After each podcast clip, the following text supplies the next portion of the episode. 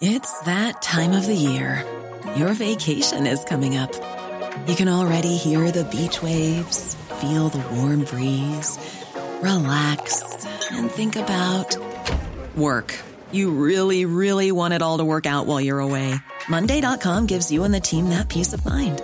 When all work is on one platform and everyone's in sync, things just flow wherever you are. Tap the banner to go to Monday.com.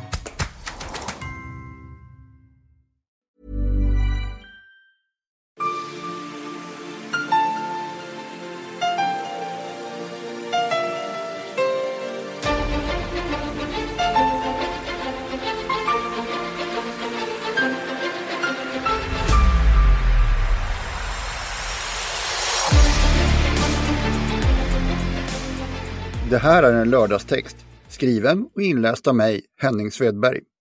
Bomber Commands stora miss.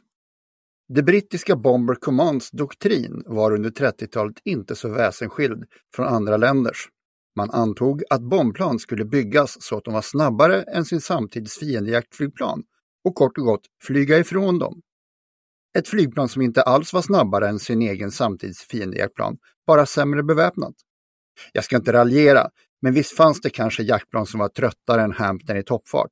Problemet var bara att de inte var tyska. Och det var ju Tyskland man tänkte att de här bombplanen skulle kämpa emot. Handler Page Hampton byggdes troget sitt uppdrag som ett fysiskt väldigt smalt flygplan. Allt för att minska luftmotståndet. Och med sina triangelformade vingar kunde det med kortare spännvidd bibehålla kvadratmeterytan på vingarna utan att förlora för mycket i lyftkraft. Ett rätt tänk som ändå ledde till att planet var för smalt för att besättningen skulle kunna förflytta sig mellan sina positioner och exempelvis hjälpa sina kompisar efter att de hade skadats av, av fientlig eldgivning.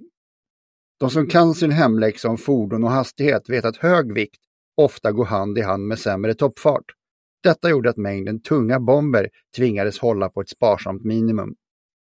Har man få bomber, då måste man antingen ha ganska stora sådana eller träffa exakt med de få man har. Sen finns också alternativet att flyga till samma mål ofta. Och det sistnämnda är för en flygare vad man i hantverkarkretsar kallar ätor. Nu hade man plats för inte så många, men väl ganska små bomber. En detalj som i sig inte gör så mycket ifall piloten eller bombfällaren har tummen med turen och är duktig på att fälla sina bomber exakt där de ska träffa. Här kommer britternas talang för precision in. Det är lätt för den åtminstone genomsnittsklipske lyssnaren att inse att denna doktrin med sin hand i handgående matematik inte var till fördel för det brittiska bombflyget så här de första åren i kriget. Som tillägg kan sägas att Sovjet erhöll ett antal Handley Page Hampton som de ganska snart tog ur tjänst, då det var billigare att så att säga skjuta sina piloter direkt efter utbildningen istället för att slösa drivmedel på att låta dem omkomma i denna flygande likkista. En väl omskriven fakta är att britterna själva snart valde att inte låta sina bombplan flyga alls i dagsljus. Så var det bara en detalj kvar då, precisionen. Under krigets tidigare månader ville det brittiska bombkommandot helst inte bomba vad som helst. De tänkte att exempelvis Focke-Wulfs flygplansfabrik i Bremen, en stad som låg så nära England att bombplanen på väg dit lite skämtsamt kan sägas att de inte skulle hinna nå arbetshöjd. De här fabrikerna ägdes inte av den ondsinta tyska staten utan av privata intressen, vilket gjorde att britterna ansåg sig inte kunna angripa dem, då Bomber Command inte låg i krig med tyska privata delen av finansmarknaden, utan den tyska staten. Istället valde RAF Bomber Command att rätt och slätt bomba de tyska städerna. Just ja, precisionen, eller kanske bristen på den.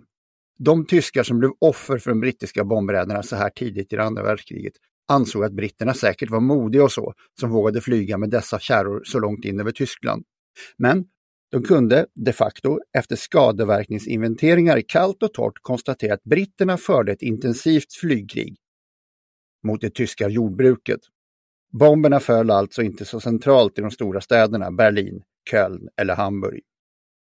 Britterna skulle under kriget ändra sin doktrin, byta upp sig i flygplansprestanda, bomblastförmåga och till slut trots ganska tunga förluster i manskap, blir ganska duktiga på att släppa bomber.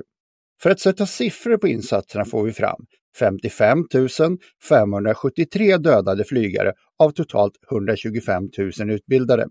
Det är en förlustprocent på 44,4 procent i döda. Därtill kom 8 403 skadade, och de nedskjutna flygarna som blev krigsfångar var 9 838 stycken. Bomber släppte Bomber Command nu i alla fall på den tyska befolkningens bostäder och stadsbebyggelse, vare sig den var privatägd eller ej. Man kunde här ställa sig en fråga. Vi kan för sakens skull dela upp den i två delar. Var britternas bombningskampanj bevisat verkningsfull och bidrog den till krigets utgång? Som svar på den första delen kan man ställa frågan om tyskarnas blitz mot London avslutade kriget på ett bekvämt sätt. Svaret är bevisligen nej. Britterna menade istället att insatsen att bomba London lättade upp trycket från de stridande jaktflygarna som hittills varit utsatta för bombningsräder.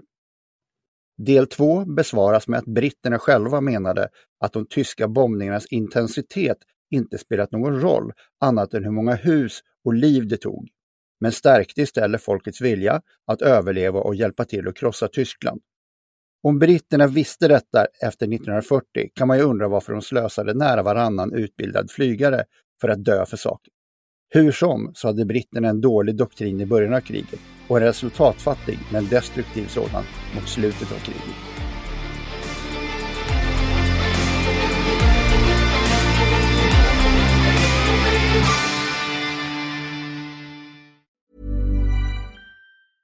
Hi, I'm Daniel, founder of Pretty Litter. Did you know cats tend to hide symptoms of sickness and pain? I learned this the hard way after losing my cat, Gingy. So I created Pretty Litter, a health monitoring litter that helps detect early signs of illness by changing colors, saving you money and potentially your cat's life. Pretty Litter is veterinarian developed, and it's the easiest way to keep tabs on your fur baby's health right at home. Go to prettylitter.com and use code ACAST for 20% off your first order and a free cat toy. Terms and conditions apply. See site for details.